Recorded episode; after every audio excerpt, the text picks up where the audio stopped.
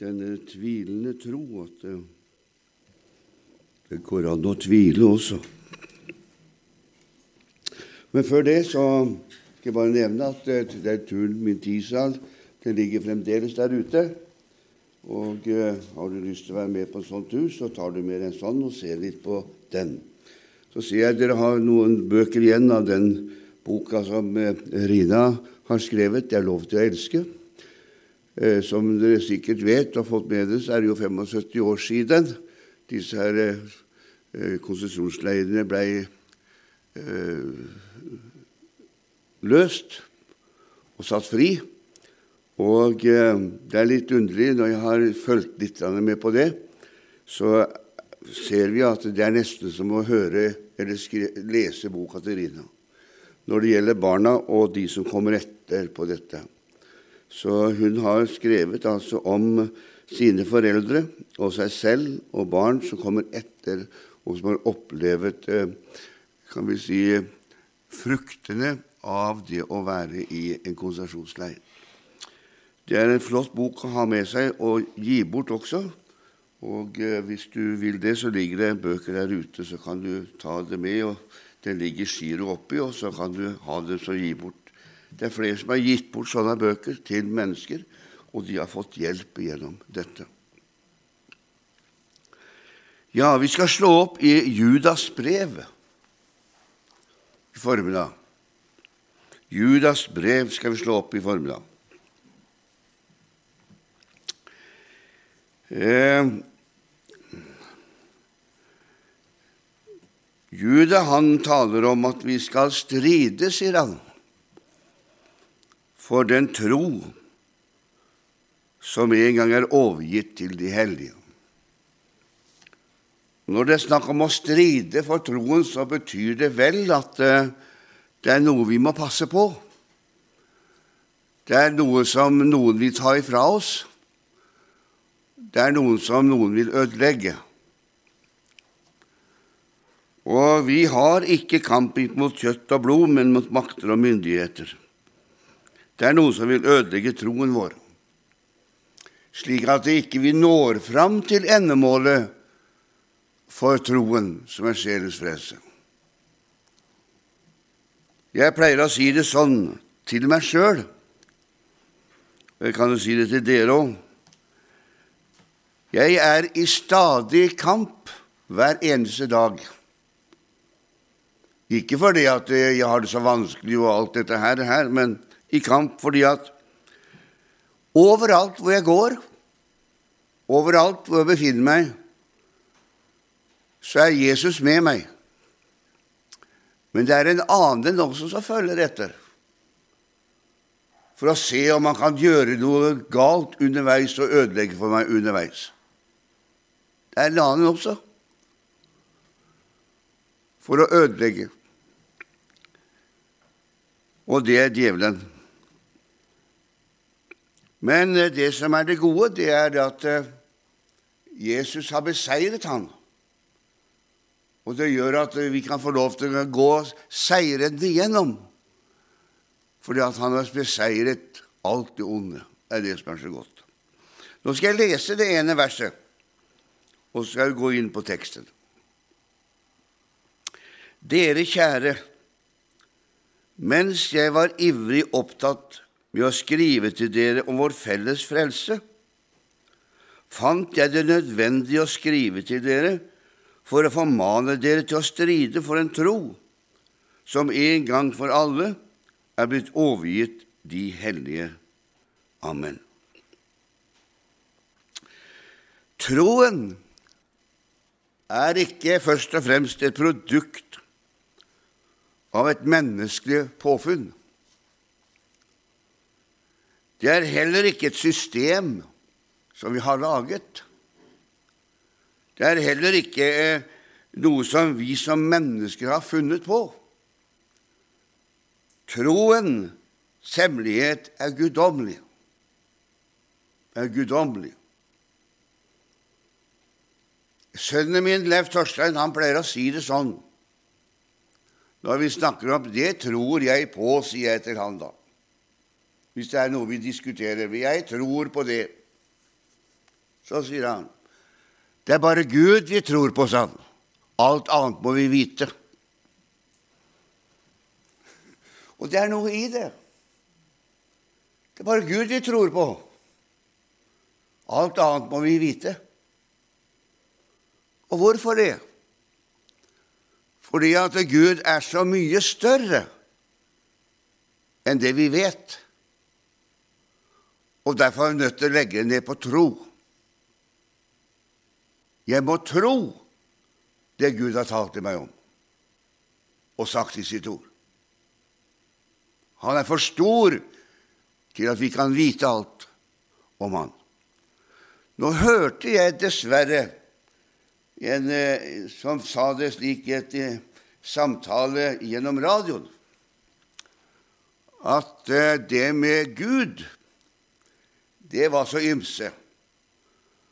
Og at han hadde sånn veldig makt som de kristne snakker om, det trodde han ikke så veldig mye på. Og da sa jeg til når jeg hørte stakkars deg, se, hvis ikke du har en større Gud enn som så. For min Gud har all makt i himmelen og på jorden.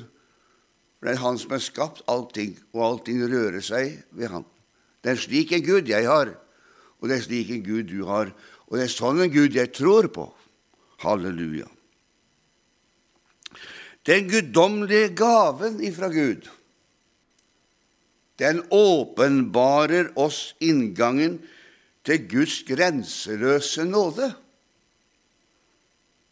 Må ha med det her litt i begynnelsen. Den åpenbarer inn til Guds grenseløse nåde. Det er nesten som selve døren inn til den himmelske verdene som blir slått opp for oss, og vi begynner å se inn i det nådehavet som Gud har skjenket til den som tror. Halleluja. Er ikke fantastisk å ha det slik på den måten? Og derfor så gleder vi oss, slik som Bibelens mennesker gleder seg, over om noen som kommer til troen. Da gleder vi oss. Og det var det som både Paulus og hans medarbeider gjorde da han kom til Antiokia. De fortalte store ting hva Gud hadde gjort, at det er mange som hadde kommet til Guds troen, og så gledet de seg over dette. Menigheten i Pergamun får en hilsen ifra Herren. Jeg vet hvor du bor, sier han når han taler om disse ting. Og så sier han litt ned, men du har ikke fornektet min tro. Altså, han har ikke fornektet troen. Han levde i troen. Her så taler Jesus om at det er en del mennesker som prøver å ta ifra oss troen, og derfor skal vi stride for den tro som er overgitt til oss hellige. Men så skjer det, som det kan skje underveis, at det slår sprekker, og man kan begynne å tvile. Og det å være en tvilende, det er vondt. Og verre er det når man er en ærlig tviler. Det er forskjell på tvilere. Det er de som tviler på Guds ord i det hele tatt, det er noe å bry seg om.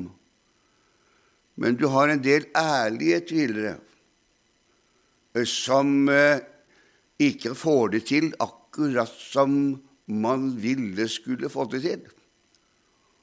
Og noen ganger så er egentlig det man opplever, så stort at man tviler i hele tatt på om det er mulig om man kan oppleve noe så stort.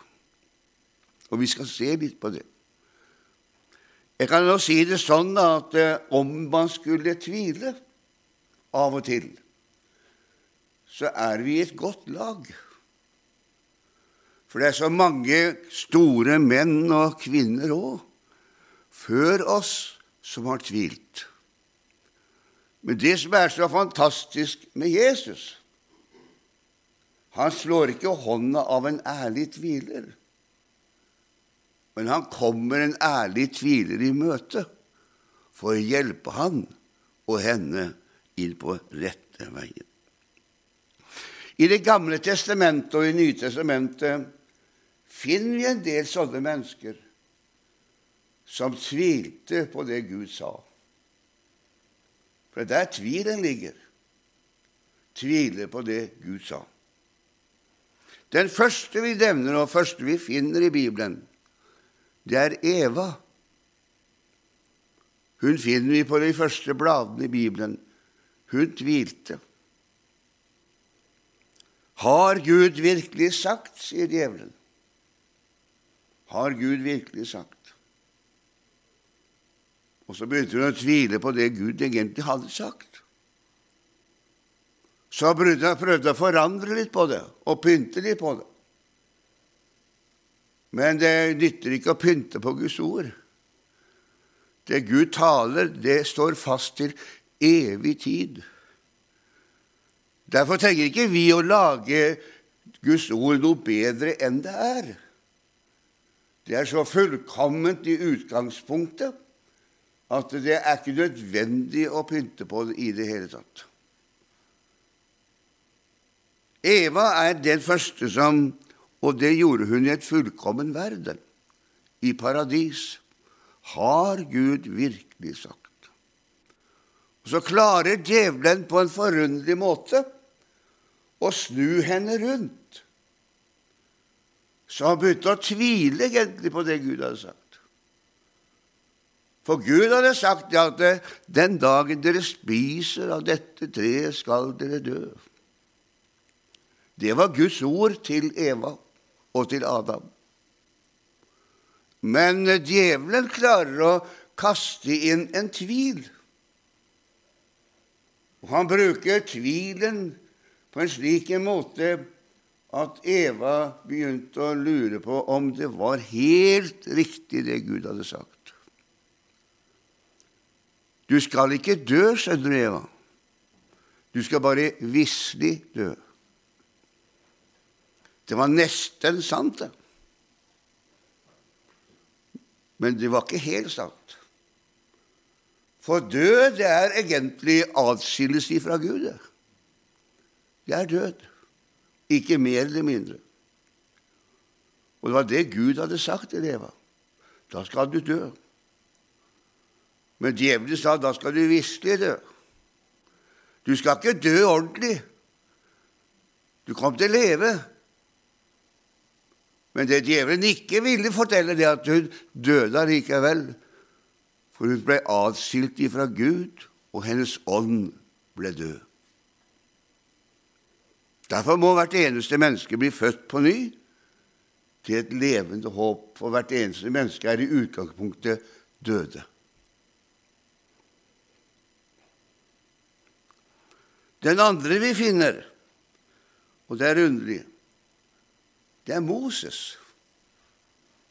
Ja, ja, du kan stille deg ved siden av Moses, denne Guds mann, som fikk et sånt et vitnesbyrd etter seg av Gud at det, det var, kom ikke noen som Moses mer. Et mektig vitnesbyrd.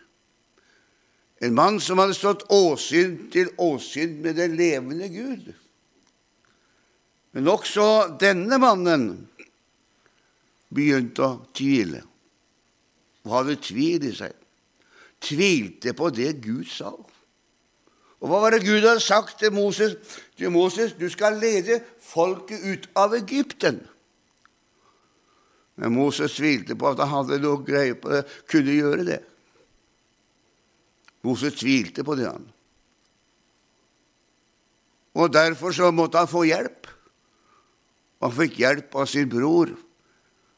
Og når Moses begynner å tvile på seg selv, at Gud ikke kunne være med å løse folket ut av Egypten, så måtte han ha hjelp av Aron. Men han kunne ikke verken snakke eller noen ting, Moses, når Gud talte til ham. Han tvilte, men han tvilte på at det Gud sa, var sant. Hvorfor? Oppgaven av og til ble for stor.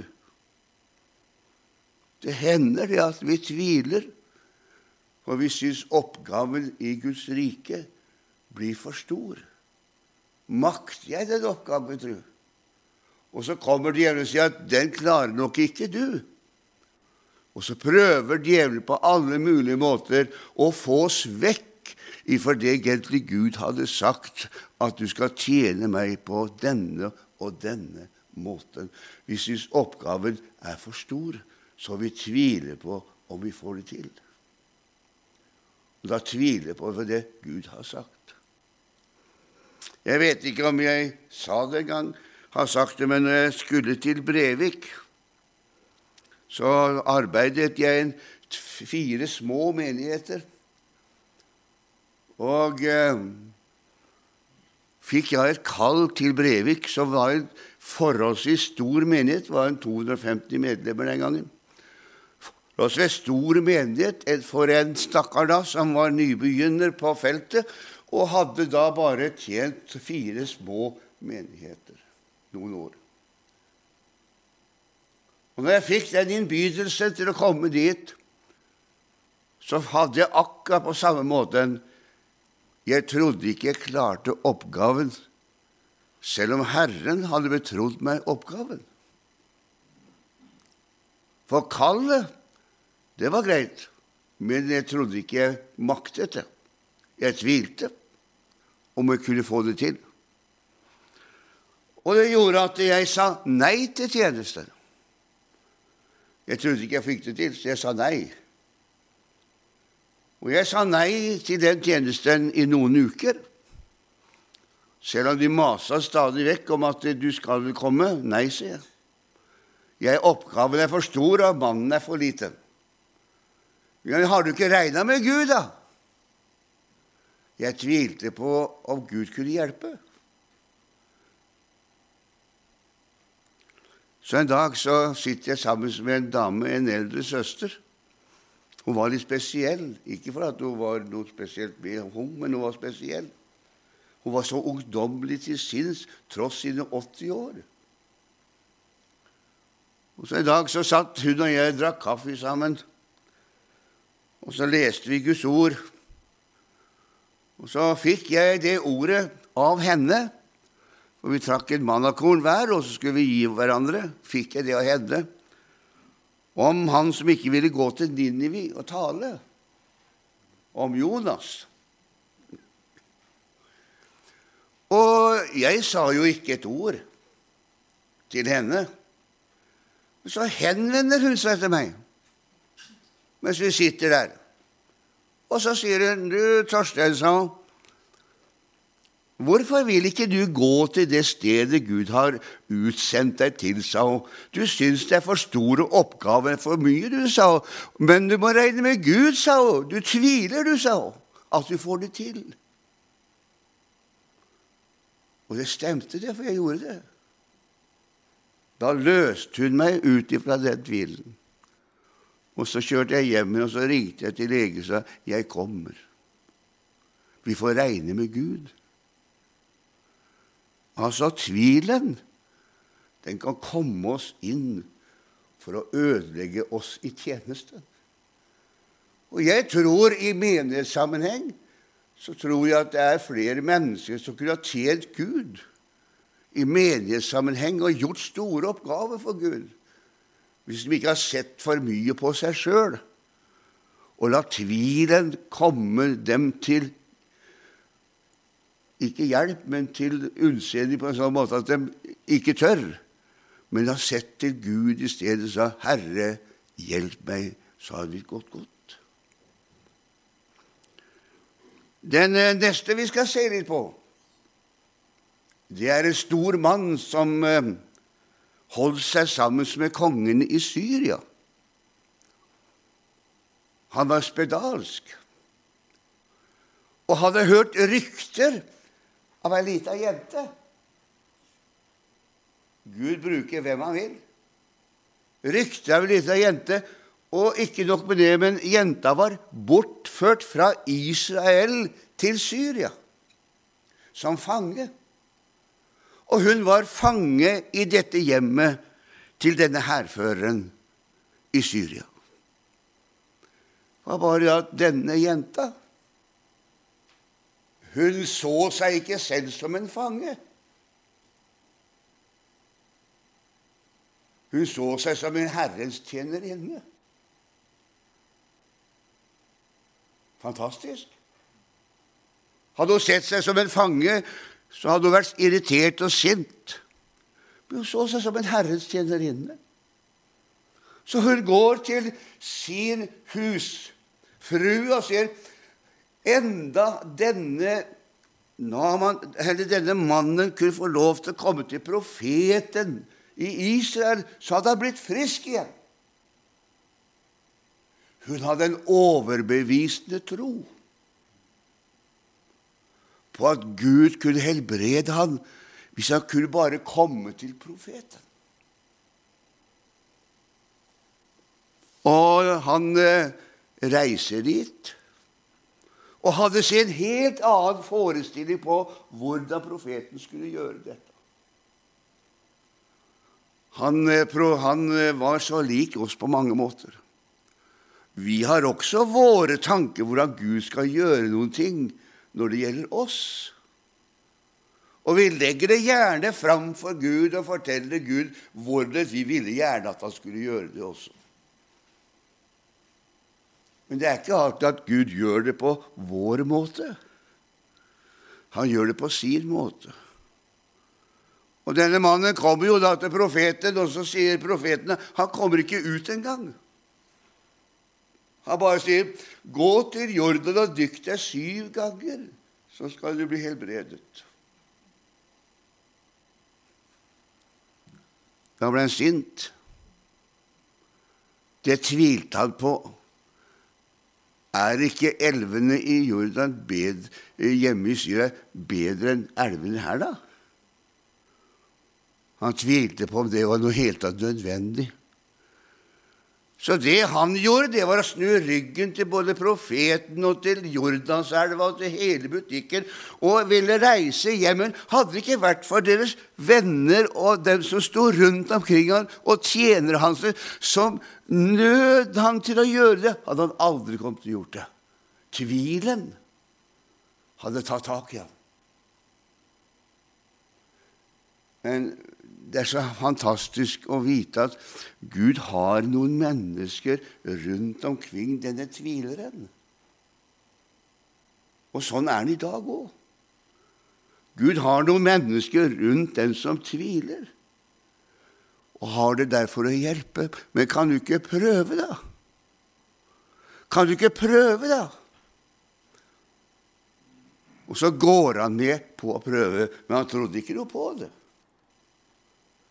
Men Gud er større enn det ikke jeg tror på. Er det ikke fantastisk? Han er større enn det. Gud kunne gjerne ha sagt det sånn, det er litt menneskelig i dette, da. Han kunne gjerne ha sagt det sånn Ja, ja, når du ikke tror på det, da, så får du vel se etter din tro, da. Han gjorde ikke det, Gud. Han lot troen hans settes til sides. Tvilen hans satte Gud til sides. Og så fikk den andre mannen til å dukke seg syv ganger. Og så vet du at den syvende gangen sto han opp, og han var helt helbredet fra sin spontanskhet. Han var frisk. På tross av at han ikke hadde lyst til å gjøre det, og på tross av at han tvilte på at det var nødvendig å gjøre det. Ser Gud er større enn vår tvil. Han er større enn vårt hjerte på alle måter. Det neste vi skal finne som ser på litt sånn, det er Sara. Det er Sara. Sara hun hadde ikke barn, men hun hadde blitt lovet barn. Og det hadde blitt lovet ganske tidlig. Og det hadde gått år etter år etter år etter år. Og alt håp syntes å være ute i menneskets øyne. Og når ingenting av menneskelig hjelpemiddel kunne hjelpe henne lenger, og menneskets naturmiddel kunne hjelpe henne lenger, da kommer Gud. Da kommer Gud, og så sier han, Abraham, neste år på den tiden skal Sara ha et baby i sine armer. Da ler Sara. Ikke av glede, men av tvil. Det var tvilens latter som gjorde at Gud måtte refse henne litt. Av tvilen. Hun trodde ikke det Gud sa.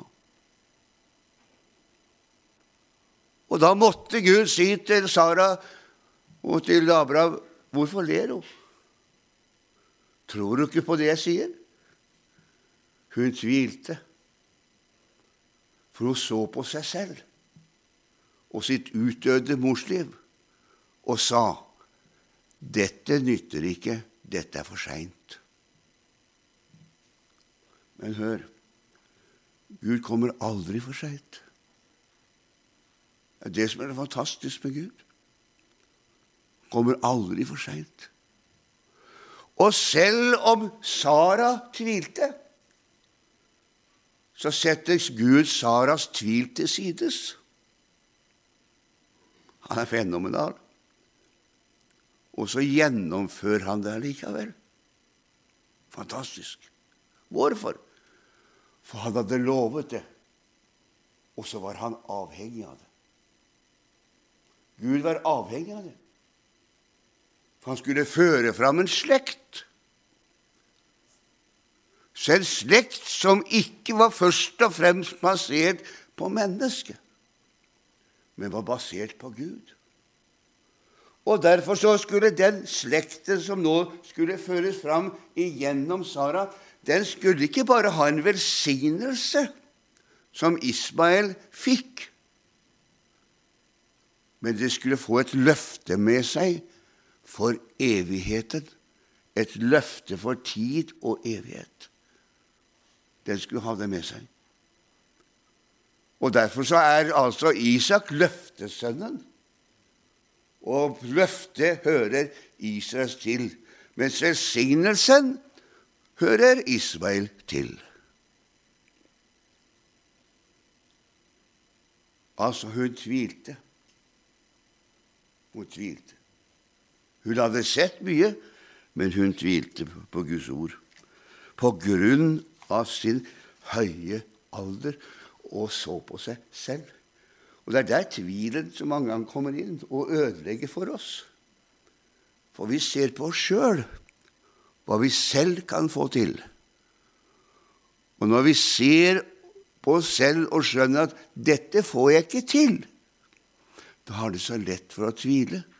Og da kommer også djevelen inn som en veldig pådrager for å hjelpe oss, så tvilen kan bli enda større.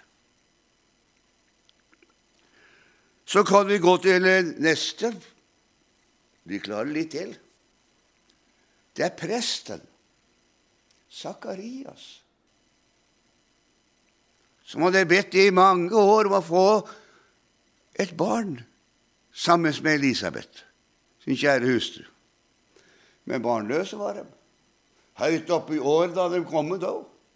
Barnløse var de. Men under prestetjenesten er det ikke underlig. De andre tvilerne var ikke under prestetjenesten.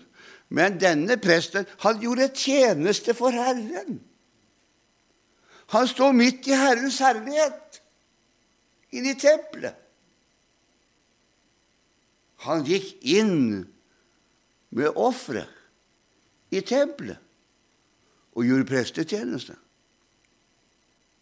Det var hans tur. Og ikke nok med det at han gjorde prestetjeneste, men han fikk engelbesøk òg. Det ser ut noen ganger at selv om vi får besøk av høyere makter, så ser det ut av og til at tvilen også kommer allikevel. Han fikk beskjed du skal få et barn. Elisabeth skal bli fruktsømmelig. Det tror jeg ingenting på. Han trodde det ikke. Og det gjorde at han måtte være stum ifra den dagen og stum i ni måneder etterpå. Helt til Johannes skulle fremføres slik at navnet hans skulle skrives. Da kom den tilbake. Han tvilte. Men ser du Gud? Han satte tvilen til sides og gjennomførte det han sa likevel. Han er fantastisk. Altså, presten tvilte på engelens budskap.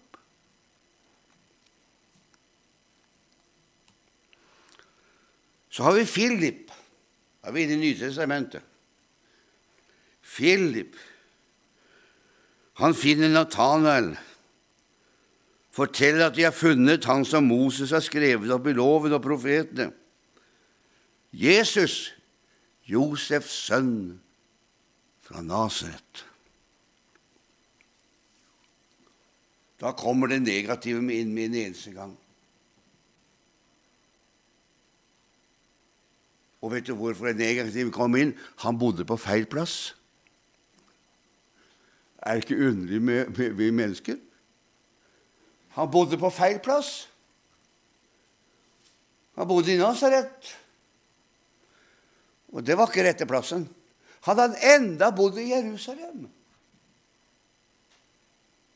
Eller kanskje i Betlehem. Men Nasaret, da? var feil plass. Så han sier til min eneste gang Kan det komme noe godt ifra Nasaret? Det tror jeg ingenting på. Tvilen slo inn med en eneste gang, for han bodde i feil by. Har du hørt av og til at eh, her kan det ikke skje noen ting? Vi er på feil sted. Men der borte der borte, der kan det skje noen ting. Men ikke her. Av og til så hører jeg at mennesker sier Og så ser de ingenting, sier folk. Jeg pleier å arrestere dem og si jo, de ser veldig mye hos dere. sier Dere er folk på møte hver eneste gang det er møte, sier jeg. Folk ber til Gud, sier jeg. Og ikke nok med det, men dere blir bevart den ene etter den andre, sier jeg. Det skjer mye. Og tenk på alt det som skjer i hverdagen iblant venner, altså, som dere ikke vet om. Altså. Det skjer mye mer enn det dere kan skrive opp. For det vi leter etter, det er bare de store høydedrager av store åpenbarelser. Det er dem vi leiter etter. Men Gud leiter ikke etter dem, han. Han ser etter de små detaljene i hverdagen, og vi tror på Han i de små detaljene i hverdagen. Det er det Gud leiter etter. For tviler vi på Gud i det små, så kan vi tvile på Gud også i det store. For kan Han ikke gjøre det lille for oss, da kan Han i hvert fall ikke klare å gjøre det store for oss. Og så kommer tvilen. Philip, han tvilte. Nei, Nathanael, han tvilte. Forteller at han har funnet Jesus. Også Nasaret. Han tvilte. Men se på Jesus. Han kommer han i møte. Ja, ja, sa han. Så gløtter han litt inn. Før Philip kalte deg, så jeg deg. Ser du? Fantastisk. Skulle ikke så mye mer til. Skulle lite til før tvilen ble snudd til forundring. Ja.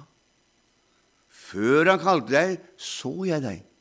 Du satt under det treet der, vet du. Og da ble det ikke Nasaret lenger. Da ble det Å, min Herre og min Gud. Er ikke så halleluja? Det er fantastisk. Da ble det ikke Nasaret lenger. Da ble det Herren og min Gud. Fantastisk. Vi må ha med noen få til, da. Nikodemus. Han var en sånn tviler. Men eh, Nikodemus brukte jo natta godt, da. Så han tok et sånn nattelig besøk. Og jeg vet ikke åssen det er med deg, om du har vært på noen sånne nattlige besøk hos Jesus. Jeg regner med at du har prøvd det òg. Du har ikke fått sove. Det er noen som har plaget deg. Og så har du måttet gått på nattlig besøk for å få et svar. Nikodemus ble sånn en mann. Det var noe som plaget han. De hadde samtalt om det i både rådet og de skriftlærde, at denne personen, Jesus, måtte være noe mer enn det han bare ga seg ut for å være Josefs sønn. For det var det de sa han ga var for noe. Jesus, Josefs sønn fra Nasaret. Det måtte være noe mer. Og de hadde diskutert dette fram og tilbake. Og tvilen kom dem. Nei, det går ikke an. Han kan ikke være Guds sønn, i hvert fall. Det er ikke mulig. Syns jeg hører dem diskutere disse her typene og inn i tempelet. Så tenkte Nikodemus jeg var det en eneste mulighet. Jeg får ta en besøk til denne mannen og oppklare det. Og så går han om natta. Nå veit jeg ikke hvorfor han gikk om natta, for det står det ingenting om. Men det er mange gjetninger på det, da, men jeg skal ikke gjette på noen ting. Men han er lik som mange andre av oss som tar en tur om Jesus om natta. Og så begynner han så forsiktig. Vi vet at du er en lærer kommet ifra Gud, vet du. For ingen kan gjøre disse store tegn og under uten at Gud er med. Han, det var smigrende fryd, da. Han begynte å smigre godt, da. Ja, Men Jesus lar seg ikke smigre. Husk på det at han lar seg ikke smigre. Så han skjærer tvers over med en eneste gang. Uten at du blir født av vann og ånd, kan du ikke se Guds rike Nikodemus. Og du er Israels lærer og kan ikke dette her. Det er underlig. Ja. Han gikk undrende hjem ifra det møtet. Han fikk noe å tenke på. Men heldigvis så gikk tankene hans den rette veien. For neste gang du møter Nikodemus, så er det Det høye råd. Og da forsvarer han Jesus forsvarer han Jesus. Det kan da ikke dømme et menneske uten å ha hørt han først. Han hadde hørt han. Og den tredje gangen vi møter Nikodemus, da er han ved korset. Da er han ved korset. Han er blant dem som står der og er med på å gravlegge Jesus. Tvilen hadde kommet i rette orden, og han begynte å tro at Jesus var den han sa seg å være. Jeg kan sånn kunne holde på, men nå skal jeg ta med meg den siste. Det er Thomas. Han husker dere. Thomas Tvileren. Vi kaller han for Thomas Tvileren. Ja. Han tvilte fordi han var ikke til stede da Jesus oppbevarte seg. så tvilte han på at Jesus egentlig levde. Det var så vanskelig å tro, for han hadde jo sett at han var død. Det er vanskelig å tro at mennesker lever når de er døde. Og Det var jo naturlig for Thomas å tro det at ja, han kunne ikke være levende. Jeg så at han var død. Men De andre hadde jo sett han i live, men det kunne jo være Det er ikke sikkert var holdbart. Så Thomas han garderte seg, han, i sin tvil. Det hender du og jeg gjør det også, garderer oss litt i tvilen vår. Jeg vet ikke om du har gjort det, men jeg har gjort det noen ganger da, når det er litt vanskelig. Du vet at Vi vil gjerne få et ord. Ja. Og så får vi et ord, da. Og så passer det ordet inn, men allikevel så tviler vi, og så tenker vi vi får ta et til. Har du prøvd den? Ja, jeg har prøvd det nå. Vi får ta et til. Det er ikke sikkert det var helt Ja, ta et til. Ta enda et til. For å se om det var som det var allikevel. Tvilen ligger på lur. Og tvilen lå på lur til Thomas. Jeg, jeg, jeg, jeg, må ikke bare få ett mannakor. Jeg må stikke fingeren i fingeren hans og i sida hans. Jeg, må se naglemerkene hans. Jeg må ha mange sånne stadfestelser. Og så kommer Jesus. Og det som er så underlig med Jesus Han bruker ikke munn på Thomas. Men han tilfredsstiller Thomas' lengsel.